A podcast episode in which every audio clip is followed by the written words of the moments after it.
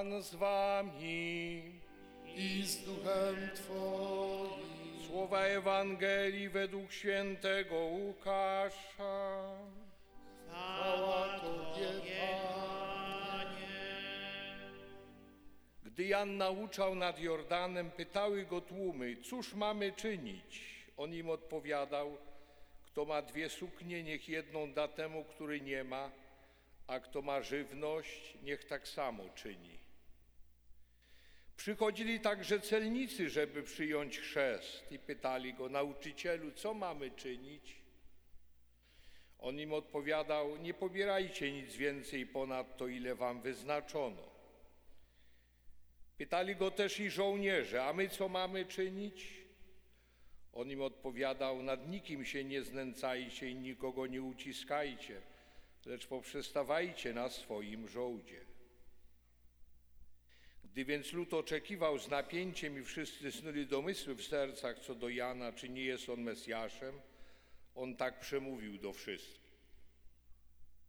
Ja was chrzczę wodą, lecz idzie mocniejszy ode mnie, któremu nie jestem godzien rozwiązać rzemyka u sandałów.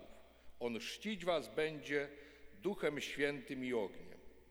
Ma on wijadło w ręku dla oczyszczenia swego młotu. Pszenicę zbierze do spichrza, a plewy spali w ogniu nieugaszonym. Wiele też innych napomnień dawał ludowi i, i głosił dobrą nowinę. Oto słowo Pańskie. chwała Tobie, Chryste. Wyśpiewuj, podnoś radosny okrzyk, ciesz się i wesel z całego serca. Tak wołał do swoich rodaków przed wiekami i dziś woła do nas prorok Sofoniasz, o czym słyszeliśmy w pierwszym czytaniu. Wtóruje mu apostoł Paweł. Radujcie się zawsze w Panu. Jeszcze raz powtarzam, radujcie się.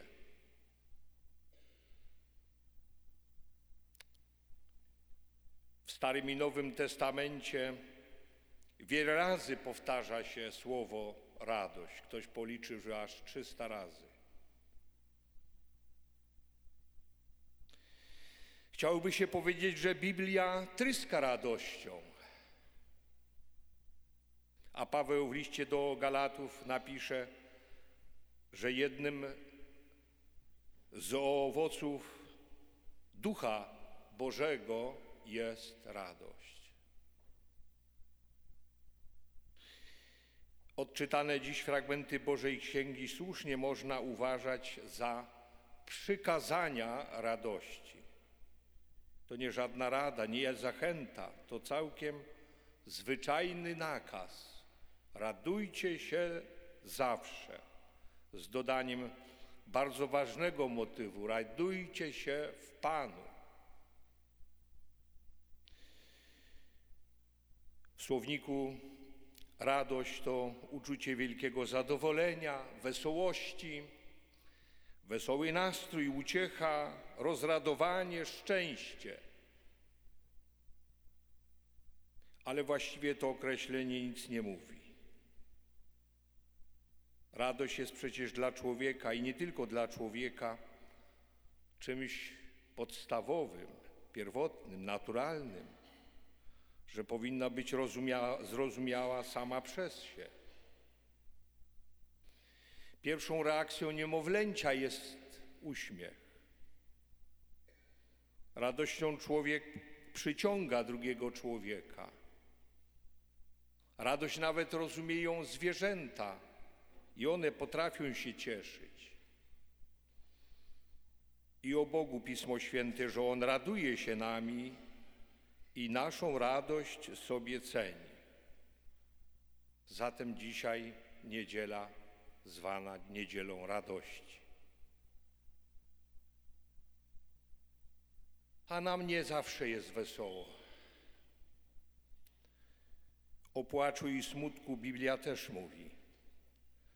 O płaczu i smutku Jezus także mówi i pokazuje. Tyle spraw trudnych, bolesnych, drażliwych wokół nas i w nas samych. Tyle nieuczciwości, spory, kłótnie, narastająca zewsząd agresja, od wyrwania sobie włosów przez dzieci po agresję wielkich państw i mocarstw, pojawiające się, pojawiające się co, coraz to nowsze choroby, obawa przed kataklizmami, zatrucie środowiska, brak pracy, dzieci, których nie potrafimy zrozumieć, a one patrzą jak uciec do innego świata. I już ta pobieżna, krótka lista mąci naszą radość. A w nas samych ile niewesołych spraw. Zmęczenie, nerwowość, niecierpliwość, depresje, nałogi, przyzwyczajenia nas krępujące, ciągła walka ducha z ciałem. I jak tutaj być radosnym? A jednak człowiek radości potrzebuje bardziej niż chleba. Może dlatego tak często będziemy życzyć sobie wesołych świąt, nie tylko zjadliwych, smacznych.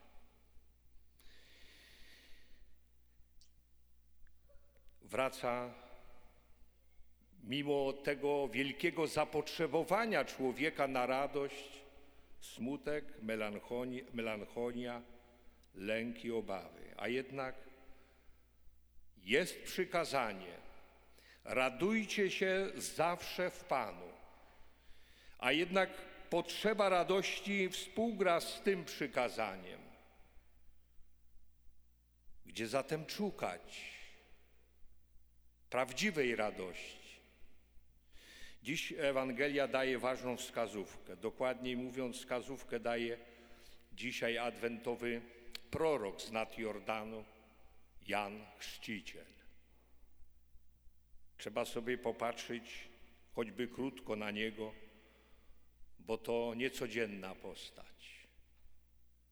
Samotny, z wyboru nie mający nic, wszystkim bynajmniej e, nie dbający o sprawy materialne, nawet te konieczne, nie dba wcale o swój wygląd, o swoją własność, żyje bardziej duchem niż ciałem, ale w tym wszystkim bynajmniej nie jest odpychający, bo tłumy garną się do niego i jest w nim jakaś duchowa siła, skoro nawet króla chci, król chciwie go słucha, choć słuchać nie potrafi. Czy jest w proroku radość? Pewnie tak, ale wcale nie chodzi na okrągło uśmiechnięty, jest poważny.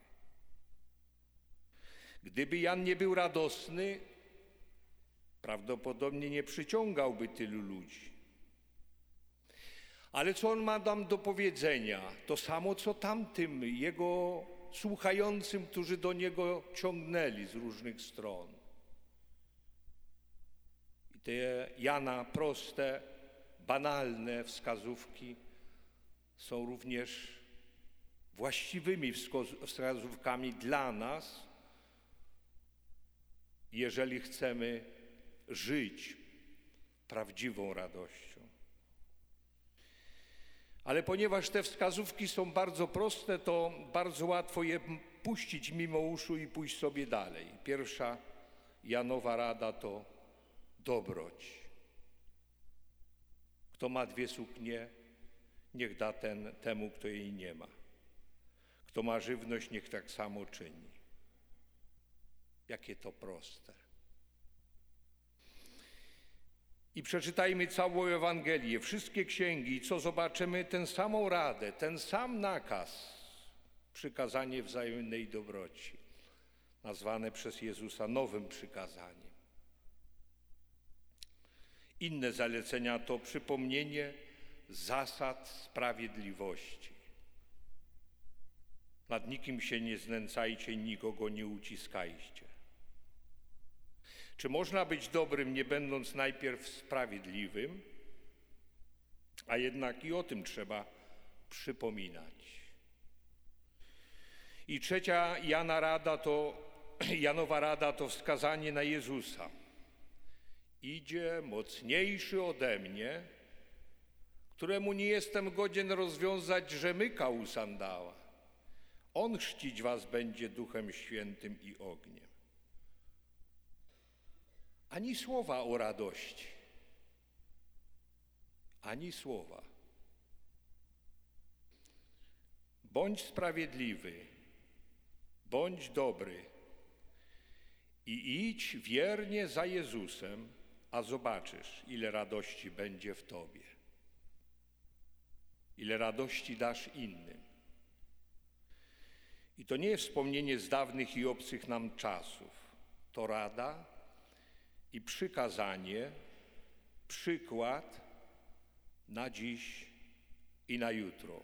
Dla mnie, dla Ciebie, dla każdego. Dla chrześcijan w sposób szczególny. Bądź sprawiedliwy, bądź dobry i idź za Jezusem, a będziesz miał radość. Amen.